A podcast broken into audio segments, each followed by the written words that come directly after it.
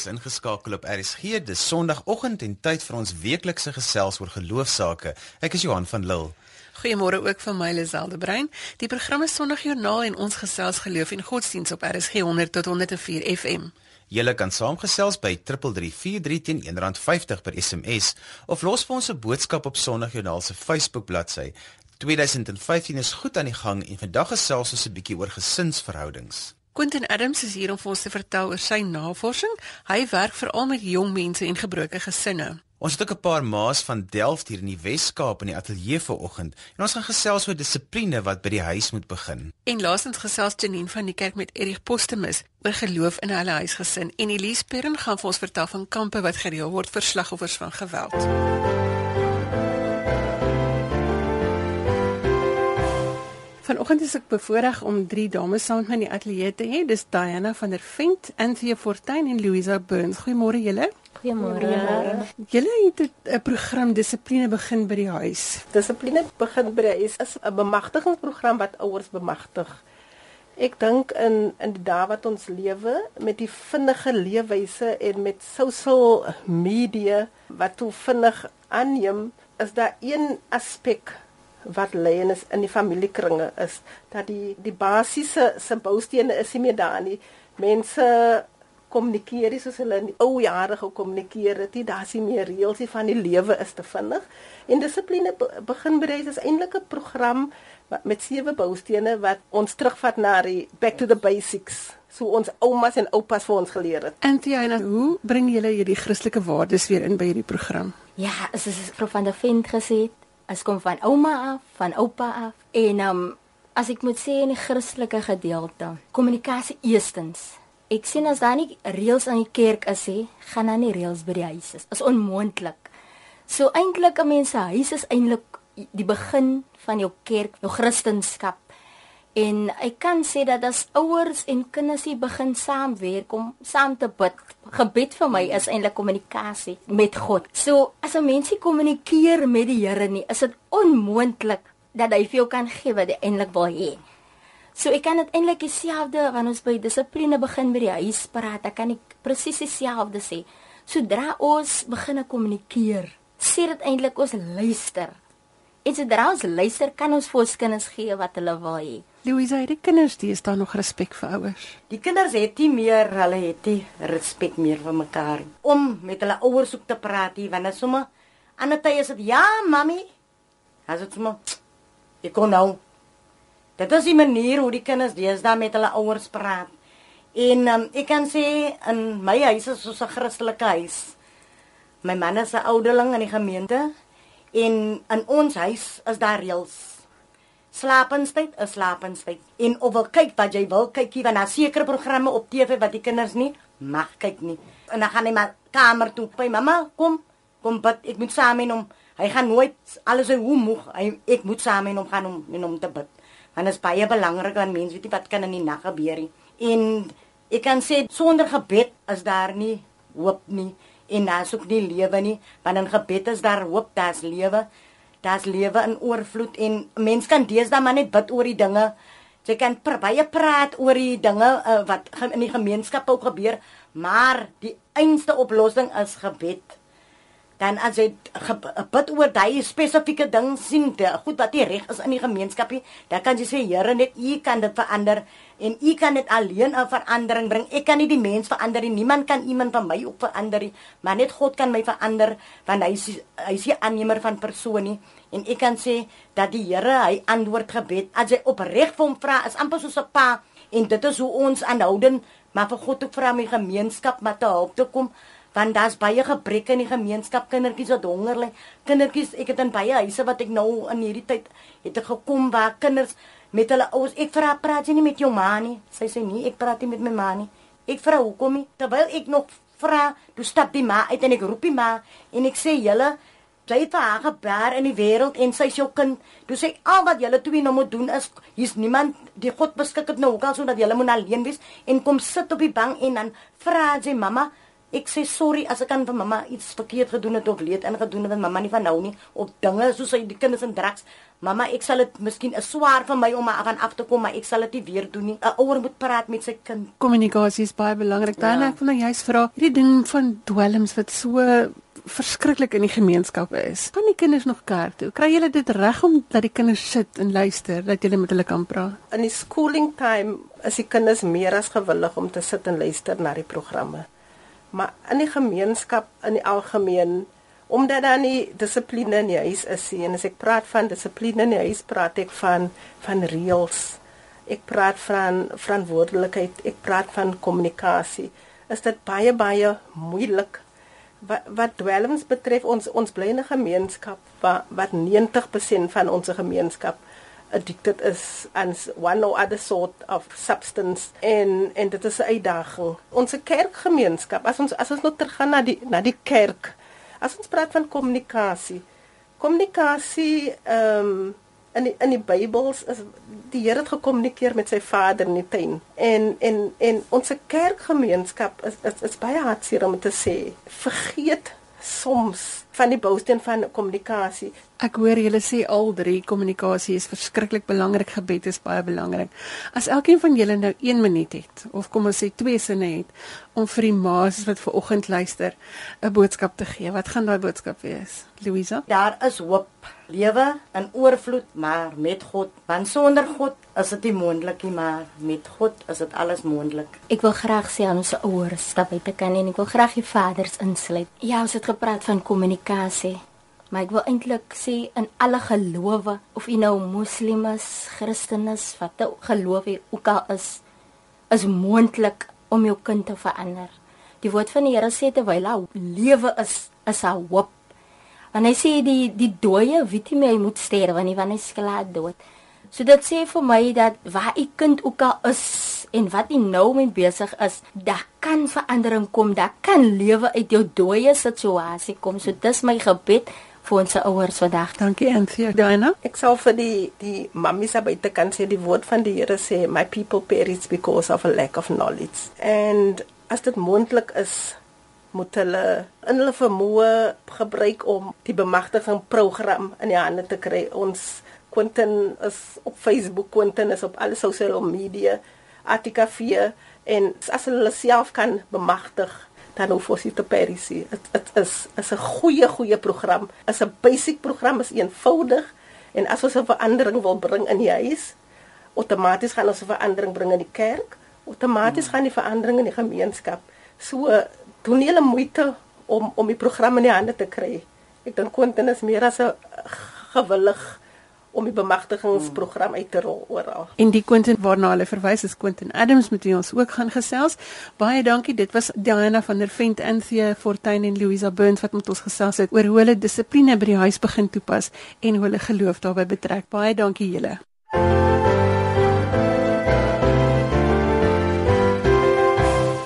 Jy luister na RSG, die program is Sondag Joernaal. Die program is beskikbaar as 'n potgooi by rsg.co.za. Goeiemôre vir die van julle wat sopas ingeskakel het. Ons gesels vanoggend met 'n baie interessante man. Sy naam is Quentin Adams en hy is 'n opvoedkundige sielkundige wat met baie meer werk as die gewone. Hy doen navorsing oor gemeenskappe waar geweld 'n baie belangrike rol speel. En ons het nou gehoor van die ma's in Delft wat besig is met die dissipline begin by die huisprogram en die man wat hier verantwoordelik is is dan Quentin Adams. Goeiemôre Quentin. Goeiemôre. Quentin, die werk wat jy doen. Hoekom werk jy in gemeenskappe waar geweld voorop is? Ek dink dit is 'n baie goeie vraag. Baie kere dan vra ek vir myself die vraag hoekom doen ek wat ek tans doen? Maar reeds omdat ek 'n um, aantal jare by die Universiteit van Stellenbosch betrokke was waar ek navorsing gedoen het en ek het baie oor see beweeg, onder andere Oxford Universiteit waar ons baie oor geweld gepraat het. En wanneer jy baie na die literatuur kyk en jy gaan krities om met die literatuur en die wetenskap, dan sien jy dat wat nodig is daar buitekant is om 'n wetenskaplike benadering te hê. En ek dink baie keer het ons veral wanneer dit kom by geweld, veral wanneer jy insidente kry soos die Annie Boysen geval, dan is daar gewoonlik 'n euforie, mense raak opgewonde of 'n kind word ernstig verkragt in 'n gemeenskap waar baie jong babatjie dan sit gewoonlik hierdie euforie wat ons het. En ek dink dat ons ontbreek in hierdie wetenskaplike benadering om programme daar te hê wat regtig wetenskaplik gefundeerd is. Miskien moet ons net sê jy het formeel ondersoek ingestel na die Anine Boys in geval waar sy so wreed verkrag is. Ja, ek was afgevaardig deur die minister van uh, gemeenskapsveiligheid om navorsing te gaan doen in uh, Bredasdorp rondom daai konteks. Nie per se die moord nie, maar rondom die omstandighede waarin die gemeenskap was. Op daai stadium was ek besig om navorsing te doen rondom die bende probleme in die Weskaap waar ek 'n verslag geskryf het rondom die uitdagings wat bende aktiwiteite binne in die Weskaap het. En um, dit was baie baie interessant toe ek na Bredasdorp gegaan het. Ek het heelwat tyd gespandeer in die gemeenskap van Bredasdorp. En dan begin jy krities te kyk oor wat is verkeerd, wat bestaan nie. En dan bring jy dit terug na wat die wat die literatuur sê en wat die wetenskap sê. En ek moet vir jou sê dat dit was een van die mees interessantste ontdekkings en belewennisse was om 'n redelike goeie tyd in Bredasdorp te spandeer om met die mense te praat oor is dit 'n een eenmalige gebeurtenis of is dit iets wat weer gaan gebeur? Daar's so 'n interessante boek wat hulle skryf. Ek weet nou nie wie die outeur is nie, maar hulle praat van die Black Swan effek. Van die bevindinge wat ek dink interessant is is dat ons fokus so op geweld en ons besef hier dat daar 'n klomp stelsels wat heeltemal verbrokkel is of heeltemal afwesig is. Onder andere die sonndagskool. Ehm um, dan vind jy die, die kinders het nie meer 'n geestelike basis op sonndagskool wat hulle kry nie. Die toestand van sonndagskole en kerke is nie meer wat dit was nie. So dis hierdie uitdagings wat ons het en dan vraag wat ek altyd vir my gevra het want 2013 was 'n baie besonderse jaar. Dit was 'n jaar waar daar 12 moorde in die Weskaap was, gruisame moorde onder jong dogters, waarvan in een boys en een van hulle was. Waarom gebeur dit? Dan begin jy krities daaroor te te reflekteer want jy weet jy besef jy alle vrae hier nie antwoorde daarop nie. Die kommerwekkende ding is is dat ons is nie altyd seker waar moet ons begin nie. Ons het hierdie lukraak ingrypings of intervensies wat ons het. As daar nou 'n probleem is in in 'n sekere area dan wil ons nou 'n intervensie daar hê as daar iets gebeur in Beaufort West, dan wil ons nou iets skielik daar begin. Die program het ontstaan dat ek besef het, maar ek dink ons moet by die huis begin. Nou, ons het nou baie intervensies met die skole gedoen. Ek het oor die 450 onderwysers al opgelei of skole opgelei in hoe om kinders in gedrag te hanteer. Maar waar begin ons regtig? Dissipline begin by die huis. Dit in al die ondersoeke wat jy gedoen het, daar moes 'n gemeene faktor gewees het wat jy gekry het en was is dit die dissipline, die feit dat die kinders nie meer regtig die fondament wat gelê moet word, dit is gebrekkig. Ja, ek dink een van die aspekte is dat die fondamente, dissipline en respek en omgee is net nie meer daar nie. Die ander een wat ons wat vir my baie uitstaan en dit is ehm um, dat daar nie meer gewete is nie. Ek dink van die gevaarlikste mense wat jy kan kry op die op die aarde is mense met geen gewete nie. Hulle voel net niks vir jou nie. Hulle weet nie wat is reg en verkeerd nie. Hulle weet nie wat is kwaad nie. As jy kyk na die gruisamheid van die moorde. Nou een van die grootste uitdagings wat ons het in Suid-Afrika is dat Suid-Afrika in elk geval die hoogste misdaadsyfer in die wêreld het. Maar ons het 'n baie hoë syfer van gewelddadige misdaad. En dis daai gewelddadigheid wat vir my kommerwekkend is. As wanneer hy seentjie se potlood vat en hy steek die kind met die potlood. En die onderwyser vra hoekom jy dit gedoen? Hy sê maar hy het eintlik niks gedoen nie. Hy beken nie skuld nie. Hy, hy sê nie hy het dit gedoen nie en dan dan vind jy dit daar seker goed soos empatie wat nie betrokke is nie. Hy weet nie wat is reg en verkeerd nie. Hy gee net nie om nie. En hierdie is goed wat kinders moet leer. Empatie kom nie natuurlik nie. So met ander woorde, ons moet van kleins af vir kinders hierdie grondslag gee, hierdie basis gee. Ek wens ek kan op die hoogste berg staan in Suid-Afrika en dit vir ouers en almal skree. Ehm um, dat dit moet aangeleer word. Ons 'n kind ontstaan nie net nie. Uh, ons is hier 'n eier wat net uitkom nie. Ons is 'n 'n plantjie en ons is 'n boontjie wat wat groot gemaak moet word wat sonskyn nodig het. En wanneer ek na die ouers luister wat hulle in die onderhoude gesê het, dan besef ek dat jy het huise waar daar nie reëls is nie, jy het huise waar daar niemand kommunikeer met mekaar, niemand praat met mekaar daar's nie warmte nie. Ek het met 'n groep seuns het ek 'n program gehad, so 'n lekker vakansieprogram met hulle en ons het net games gespeel. En hierdie seentjie het 'n uh, lighter gevat en sy nek gebrand En ek het hom gevra maar hoekom het jou nek gebrand? Hy sê nee, hy wil pyn hanteer. Hy wil weet hoeveel pyn hy kan hanteer want hy tronk toe gaan weet hy hoeveel pyn hy kan hanteer. En dan vind jy dit maar hy bly by sy ouma.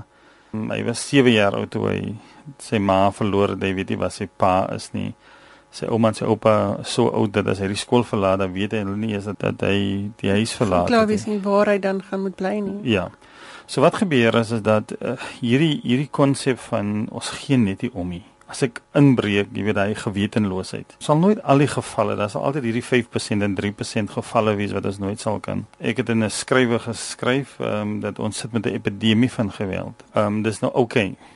Uh, ons skrik nie meer as iemand verkrag word. Die, een van die interessante navorsings wat ek gedoen het was oor die vloekwoorde wat die kinders in die, op die primêre skole gebruik en so aan. En ek was eendag op 'n radio gewees en die radio sê vir my nee, maar dis hoe ons praat in die Kaap, jy weet, uh, kan nie bevorderlik wees vir die siege nie. Wat my opgeval het is dat ek het vir die kinders gevra as daar enige positiewe woord wat julle ken, enige positiewe stelling. En nie een van die kinders kon vir my 'n positiewe woord of 'n positiewe stelling vir my gee nie. En dit is vir my kommerwekkend geweest wat vir my sê dat dit is nie die vloek wat die probleem is nie.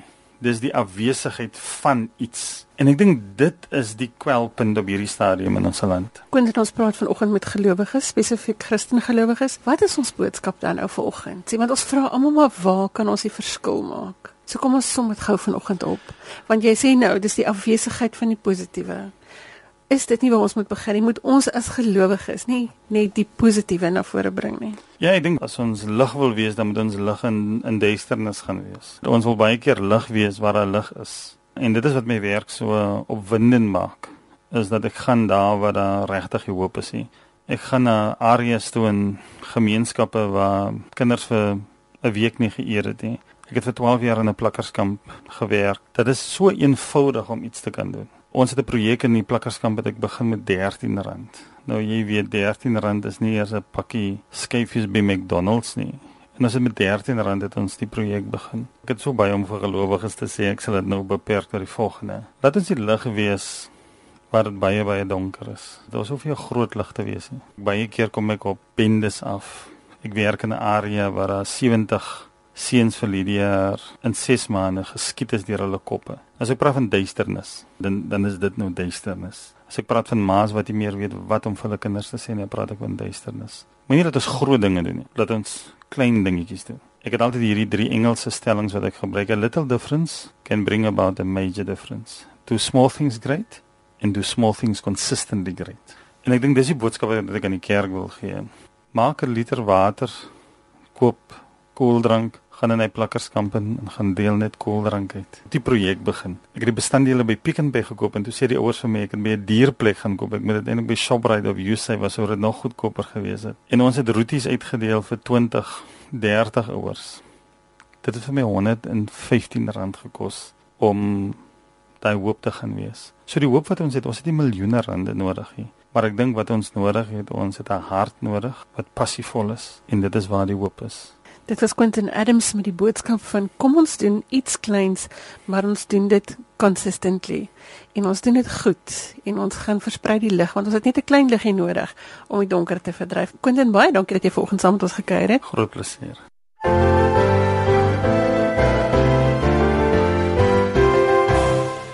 Jennifer Niekerk het saam met Erik Postumus gekuier om te gesels oor huisgeloof. Vandag wil ek bietjie met jou gesels oor ouerskap. Yes. Hoeveel kinders het jy? Tweeetjies. Ja, en- Seentjie 10, dogtertjie 7. En jou jy en jou vrou is al hoe lank al getroud? 13 jaar. En jy het met jou kinderbediening gesien hoe die kinders sukkel en seer kry en hmm. sonder ouers moet groot word selfs al is hulle in 'n vaste ouer huisgesin. So, kom ons gesels bietjie vandag oor ouers en hoe hulle hulle kinders van die Here kan leer en die basiese goeders kan neersit. So ek wil eers heel voor begin met hoe het jy gesien dat daar so behoefte is? Ja. Weet jy op kampe, daar's ons het wonderlike sessies by die kruis waar kinders al die goed wat hulle plan, die laste en goed, skryf op 'n papiertjie, ons vrommel dit op en verbrand dit en die ouetjies wat so snik as almal al weggaan en hulle sit alleen hulle in huil en ons kom by hulle uit en sê wat is dit my hartjie wat hoekom huil jy so dan is dit pappa en mamma issues. Daai kindertjies is so verwaarloos. Die ouers werk vroeg tot laat en al is daar 'n ma en pa in die huis, het niemand tyd vir hierdie kinders nie. En ek het agtergekom, ons sit met so baie weeskindertjies wat net nie aangeneem is deur hulle ouers nie. Mm, Kyk, sommer net daar sal klaar hierdie pyl in Ja. haar. Nee, Want geld vervang Jenny. eenvoudig nie tyd nie. nie, Ehm um, as jy moet sê, wanneer is die tye wat ouers het om met hulle kinders 'n koneksie te maak wat ja. niemand anders kan maak nie, net die ouer en hierdie kind kan daai koneksie maak. Weet jy Janine, dit is die ding, dis waaroor dit gaan is tyd. Almal sê hulle het nie tyd nie en die Bybel het vir ons die antwoord gegee. In Deuteronomium 6 vers 6 sê hy, um, as jy op reis is en as jy terugkom in in jou huis, as jy opstaan in die oggende en as jy gaan slaap, um, skryf dit op jou stadsmure en op jou voorpos en op jou hand en op jou voorkop en praat met jou kinders heeltyd hieroor. En toe het ons gaan sê, um, God het vir ons hierdie ritmes gegee, maar ons het ook bietjie gaan kyk in die wetenskap en in studies, wanneer is jou brein ontvanklik vir wat en wanneer werk watter goed. So toe het ek die akroniem gebou rotse tye. Dis die tye wat ons op die rots bou. As ons reis, opstaan, terugkom, slaap, eet is. Ek deel dit een keer met 'n groepie ou sê vir my is gevaarlik wat ek daar sê, want jy ry eers en daarna word jy wakker en opstaan. maar dis maar hoe ons die akroniem geskommel het. Maar net laat ons onthou rotstye. Mag logika C4 in hierdie proses. Ja, maar kyk, 'n ja. ouer kan nie gee wat hy nie het nie. Ja. So selfs al het hy hierdie tyd en hy maak tyd om met, sy kind tyd te spandeer. Ja. As jy nie die Here en 'n openbaring van die Here in jou hart het nie, is dit onmoontlik vir jou om te deel. So as jy die Yes. Aandag van die ouers nou eers het, Yes. is daar iets op jou hart om vir hulle te sê? Ja.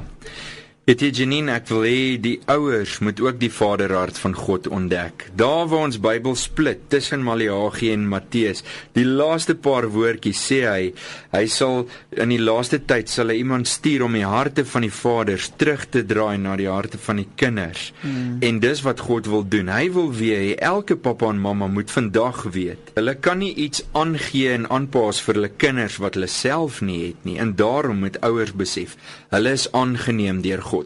God is ook hulle pappa. Een van die grootste goed wat ek vir die mense daar buite sê, wat oor 'n laat tyd baie keer is om actually te kan sê God glo in jou ook. Hmm. Ons sê, maar ek is nie vinnig genoeg nie, ek is nie sterk genoeg nie, ek is nie slim genoeg nie. Hoe gaan ek ooit iets vir God op aarde kan doen? En God kyk af en hy glimlag en sê, "Go get him, champion. Ek glo in jou. Ek het jou goed gemaak." En as ouers dit kan besef dat God ook glo in hulle ouerskap skills en sê, "Ek het soveel goed in jou ingesit." gaan ek is elke tree saam met jou om te weet God self neem hulle aan God self is aan hulle kant en dan kan hulle daai liefde vir hulle kinders aanpas. Mm. Maar as ouers nie daai stukkie van God ontdek het nie, hulle moet skuif vanaf om te glo God is so kwaai en wreed aan een kant na hom erken en leer ken as so liefdevolle Vader en 'n vriend wat nader is as 'n broer.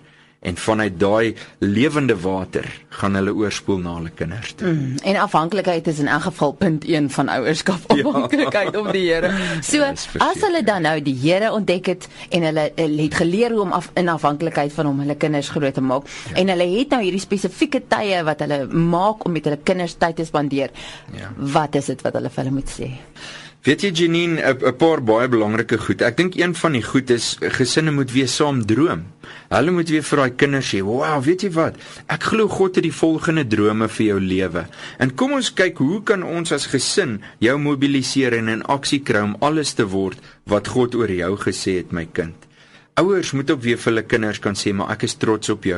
Seker die mooiste oomblik vir my in die Bybel was gewees daai oomblik wat die duif so op Jesus neerdal, die Heilige Gees en die Vader in 'n hoorbare stem sê: "Dis my geliefde seun in wie ek welbehae het." So ons moet genoeg vir ons kinders sê, "Ek is trots op jou." en ek glo in jou. Dis twee way groot verskillende goed. Ek is trots op jou beteken ek aanvaar jou karakter. Jy's een van ons, jy hoort by ons.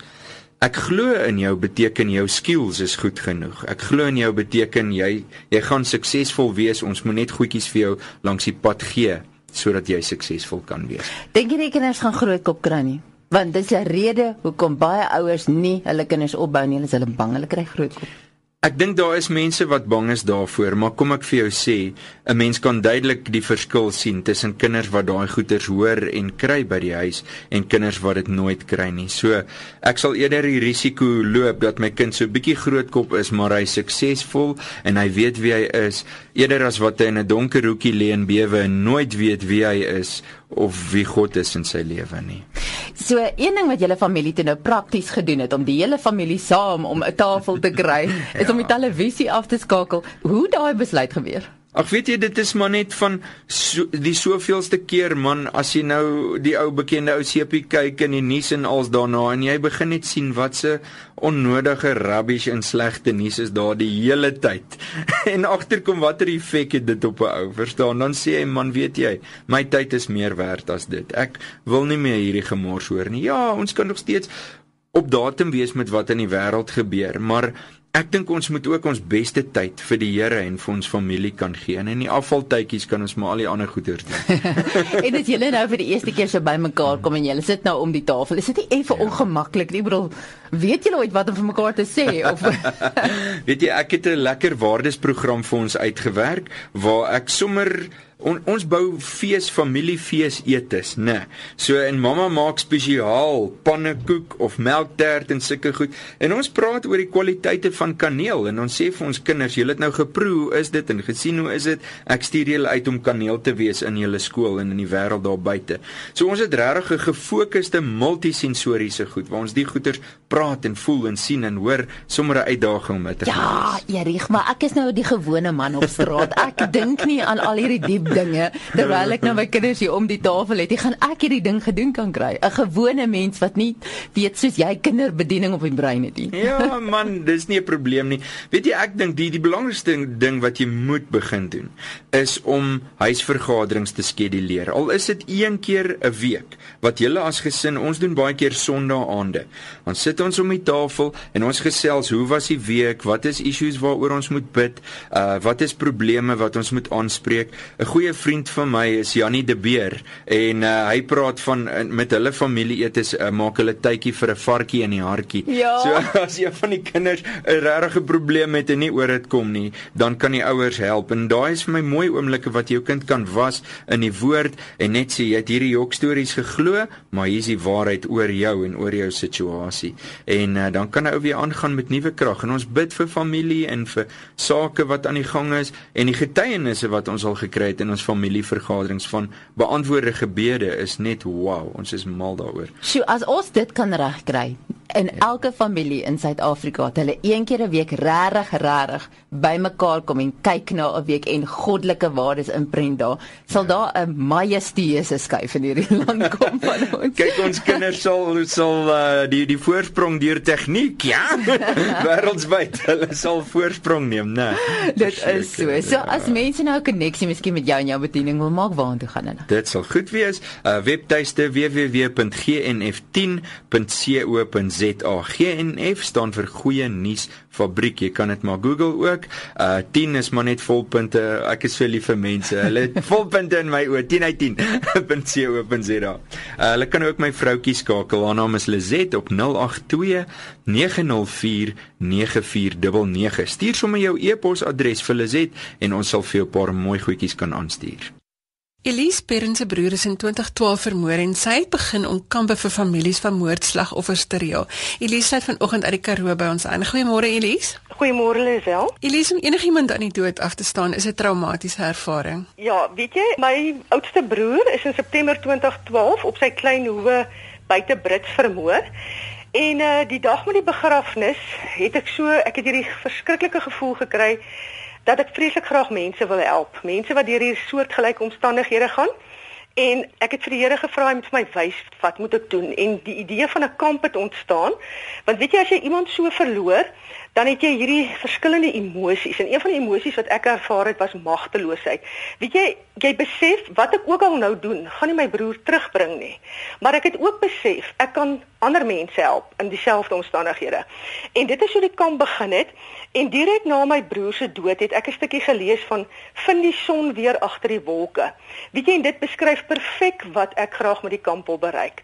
Want as jy in daai situasie is, dan voel dit vir jou amper of die son nooit weer gaan skyn nie en dan besef jy maar, jy weet Die lewe gaan aan en jou geliefde sou wou gehad het jy moet aangaan. Ek is seker dan van my broer sou nie wou gehad het mense moet op 'n hoopie gaan sit nie, jy weet. Dit is die motivering agter die kamp wat toe gebeur het. En soos ek besef, maar niemand moet vir die res van hulle lewe met hierdie pyn rondloop nie. En die wonderlike nuus is genesing is moontlik. En weet jy, as mens op hierdie pad na genesing stap, dan beteken dit nie jy verraai jou geliefde of jy het nou van hom of haar vergeet nie. Dis maar net 'n proses wat jy deurgaan om hierdie stukkies bymekaar te kry en 'n mooi mosaïek daarvan te maak. Die ere van daai persoon se lewe. Elise, vir my, hoe werk die kampe dan nou? So julle nooi mense, dis almal mense wat in dieselfde situasie is. Wat gebeur dan daar? Weet jy, hy het aanvanklik begin as 'n kamp vir families van moordslagoffers, maar ons het ook navraag gekry van mense wat geliefdes verloor het deur selfdood en ongelukke. So hy het nou uitgebrei na families toe wat persoon verloor het op 'n onnatuurlike wyse. Hierdie kampe is gewoonlik oor 'n lang naweek want ons ons wil nie die ding afjaag nie. Ons wil mense genoeg tyd gee, ons wil hulle help met genesing. En daarom doen ons dit oor 'n lang naweek. Ons begin gewoonlik die Vrydag. Dan uh dis temas wat behandel word soos wat is trauma? Wat is die rouproses? Waar staan ek in die rouproses? Want verskillende me mense vers ehm um, rou mos nou maar verskillend. Jy weet en mense het respek daarvoor en jy moet nou bepaal waar is jy in hierdie rouproses voor jy op die pad verder kan stap. En dan die Saterdag het ons klein groepe klein groep besprekings en 1 tot 1 sessies. Ek werk saam met opgeleide beraders, so dis mense wat weet wat hulle doen en van daai mense het ook hierdie seer gevoel, so hulle begrip vir die vir die persone wat dit bywoon en dis wat so wonderlik is. Ek dink dis wat die kamp bietjie anders te maak. Dis swaar om oor hierdie goed te praat. Ek kry dit baie keer dat die vrouens wil kom, dan wil die mans nie kom nie. En dan die bonus van hierdie kamp kan ek amper sê is die feit dat hierdie mense is almal in dieselfde situasie. Niemand gaan jou snaaks aankyk nie, niemand gaan jou verwyd of wat ook al as jy hartseer raak nie, want hulle ken daai pyn waar jy deur jy gaan. En die Sondag gaan ons oor waar was God toe dit gebeur het, want dit is 'n vraag wat baie voorkom. Hoekom is die Here nie daar as ek swaar kry nie? Hoekom het die Here dit nie gekeer nie? En alles wat daarmee saamgaan. En dan het ons ook 'n sessie oor viering van die lewe. Dis 'n voorreg om te kan lewe en ons moet hierdie lewe vier waarin ons is. So dis nou sommer so kortliks waaroor die kamp gaan. En as jy nou sê kamp, beteken dit nou iemand moet met sy karavaan daar kom intrek? Waar nee. hou julle dit gewoonlik? En is dit reg oor die land? Ek is bly jy vra daai vraag. Ons slaap nie in tente nie, ons slaap nie in karavane nie. Ons het lekker baksteenhuisietjies waarin ons slaap. Weet jy op die oomblik is dit nog net in Pretoria omgewing. Een van my groot drome is om dit een in die noorde en een in die suide aan te pak, maar ons het nie borge nie, so ons bid nou nog baie hieroor dat dat uh, daar 'n deur sal oopgaan. So op die oomblik is dit net in die noorde, daar in Pretoria omgewing. Ons bied dit aan by Paradiso kampterrein net buite Pretoria en daar's wonderlike geriewe en so aan. So die mense hoef nie bang te wees nie. Hulle gaan nie in slaapsakke slaap nie. Hulle gaan nie op die vloer slaap nie. Dit is lekker kamertjies waarin ons slaap. Elise, die kamp is nou 3 dae. Wat gebeur as die mense daar weggaan? Watter ondersteuning is daar vir hulle en moet daar dan vir hulle ondersteuning wees? Want jy gaan waarskynlik nou nie met al hierdie gevoelens in die 3 dae kan klaarmaak nie. Dis reg. Weet jy vir party mense is dit die eerste tree na genesing, vir party is dit 'n afsluiting. Want ons het al mense gekry wat 10 jaar terug al deur hierdie trauma gegaan het, maar wat gedink het, hulle is reg, hulle kan aangaan en toe op 'n dag toe toe gebeur daar nou iets wat hulle blad besef het, maar hulle kan nie meer nie. Weet jy die beraders wat ons het, hulle verwys hulle na mense op die dorpe naby hulle as hulle nog hulp verder nodig het of hulle as hulle naby Pretoria is kan hulle verder by die beraders wat op die kamp was aangaan. Ehm um, ek het al ook ek het bevroeg so 'n uh, klein ondersteuningsgroepie en mense wat ek nog nooit ontmoet het nie, maar wat ons mekaar so bietjie ondersteun wat deur dieselfde proses is. Weet jy net kon al mense verwys na 'n berader toe in hulle omgewing wat nie van die vorige kampe kon bywoon nie. So ons probeer regtig ons bes om hierdie mense se hande verder te vat. Laat dit nie 'n stomp afsluiting is nie. Laat ons hierdie proses saam met hulle stap. Al kan die beraders dit nie self doen wat op die kamp was nie, probeer ons hulle stuur na iemand toe wat naby genoeg aan hulle is. Jy was nou self in die situasie. Hoe verwerk 'n mens die woede want ek vermoed daar moet daar 'n groot stuk woede wees as een van jou gesinslede vermoor word. Weet jy, ek wil amper vir jou sê ek weet nie magteloosheid was by my 'n verskriklike gevoel geweest. Dit was so magtelose gevoel want ek het net besef wat ek nou ook al doen, dit kan nie my ou boet terugbring nie. So, ehm um, op die stadium, ek weet nie hoe dit die regte woord is wat ek gevoel het nie. Magteloosheid was meer. Maar weet jy, ek het verskriklik berusting uit 'n verskriklike mooi lewe gehad. En dis een van die dinge hoekom ek hierdie kamp wil hou ter herdenking van sy mooi lewe wat hy gehad het. En ek het vreeslik geskryf. Hoor jy, ek het al my gevoelens neergeskryf en uitgeskryf en alles. So dit was vir my nogal 'n uh, 'n uh, 'n terapie geweest. En en ek dink om aan te gaan. Jy weet, uh, soos ek voorheen gesê het, dis nie dat jy jou geliefde vergeet nie. Iemand het eendag vir my gesê, "Ja, maar dit voel vir as sy oor 'n grappie lag dan verraai sy die persoon wat dood is." Jy weet. En en mens moet leer om daai gevoelens te verwerk en oor hulle te kom. En ek dink jou geliefde sou ook wou gehad het jy moet aangaan. Dis wat my troos. My ou boet sou wou gehad het ek moet aangaan met my lewe. Ek moenie vashak nie, ek moet aangaan en dit gee my ook so tipe van 'n krag. Jy weet, jy jy ehm um, en ek moet vir jou sê jy kry baie krag van bo hoor. Jy kom deur goetertjies wat wat as dit as dit net gebeur het, dan dink jy jy gaan nooit hier deurkom nie en alles lyk so donker. Weet jy as jy daar deur is dan besef jy maar jy's gedra. Jy kan dit nie alleen doen nie. Elise, en wanneer is die volgende kamp en hoe gereeld is die kampe? O, die kamp is op die oomblik een keer per jaar. Ons volgende kamp is die 1ste tot die 3de Mei 2015. En soos ek gesê het, dis daar by Paradiso skampterrein. En ek wil vreeslik graag hê mense moet regtig al wil hulle my net bel om te gesels. Hulle is baie baie welkom want ek het agtergekom gesels was vir my een van die van die genesingsmiddels gewees om te kon praat en nou nog as, as ek ek wil praat oor. Party mense wil nie praat oor nie en mense het respek daarvoor. Vir ander is dit weer 'n baie goeie uitlaatklep om te praat. So al wil iemand net bel om daaroor te praat of my e-pos wil stuur, is hulle meer as welkom. Elise gee ons kontakdetail van waar mense jou in die hande kan kry. Goed, ek gaan my uh, selnommer gee. Dis 072 600 5809 en my e-posadres is nogal 'n lange, de oude pastorie een woord dot Victoria West die Engelse West @gmail.com. Die nommer net weer is 0726005809 en die e-posadres is de oude pastorie alles een woord .victoriawest die Engels @gmail.com. Maar al daardie kontakdetails sal ook op Sondagjoernaal se Facebookblad en op RSG se webwerf te vind wees. Elise baie dankie dat jy vanoggend saam met ons gekuier het. Baie dankie vir die geleentheid. En daarmee is ons kuier so te sê op 'n einde. Ons gee die laaste woord soos gewoonlik vir Janie Leroux. Dis belangrik om te sê dat 'n gesin of familie mense is wat mekaar leer liefkry en verantwoordelikheid vir mekaar neem. Nadat 'n jong oulike seun wie ons ken hier uh, selfmoord gepleeg het sonder enige oënskynlike rede, het ons gereeld vir ons kinders geleer: daar's niks wat ons nie saam kan oplos nie. 'n Gesin is mense wat mekaar help om die ergste goed saam op te los. Ek dink nie 'n gesin moet daar wees om mekaar af te breek nie. Gesin help mekaar om te fokus op elkeen se sterkpunte en dit saam te vier. Dit bou selfwaarde wat wie gesin se waarde bou en uiteindelik bou dit 'n gemeenskap se waarde. Jou gesin is die plek waar die beste leierskap geleer word. Dis Jesus leierskap. In Johannes 13 vertel Jesus vir ons: "As ek wat julle Here en leermeester is dan julle voete gewas het, behoort julle ook mekaar se voete te was." Ek het vir julle voorbeeld gestel en soos wat ek vir julle gedoen het, moet julle ook doen. 'n Gesin wat mekaar se voete was, help 'n gemeenskap en 'n land en 'n wêreld om regtig vir mekaar om te gee, soos Jesus. Vir meer inligting oor vandag se program kan jy aansluit by Sondagjoernaal se Facebookblad. Sluit gerus aan en word deel daarvan die geloofsgemeenskap en vertel ons van interessante en sien dinge in jou geloofsomgewing. Ek hoop jy het lekker saam met ons gekuier op hierdie Sondagoggend. Onthou jy kan ook 'n pot gooi van die program aflaai op RSG se webwerf by rsg.co.za.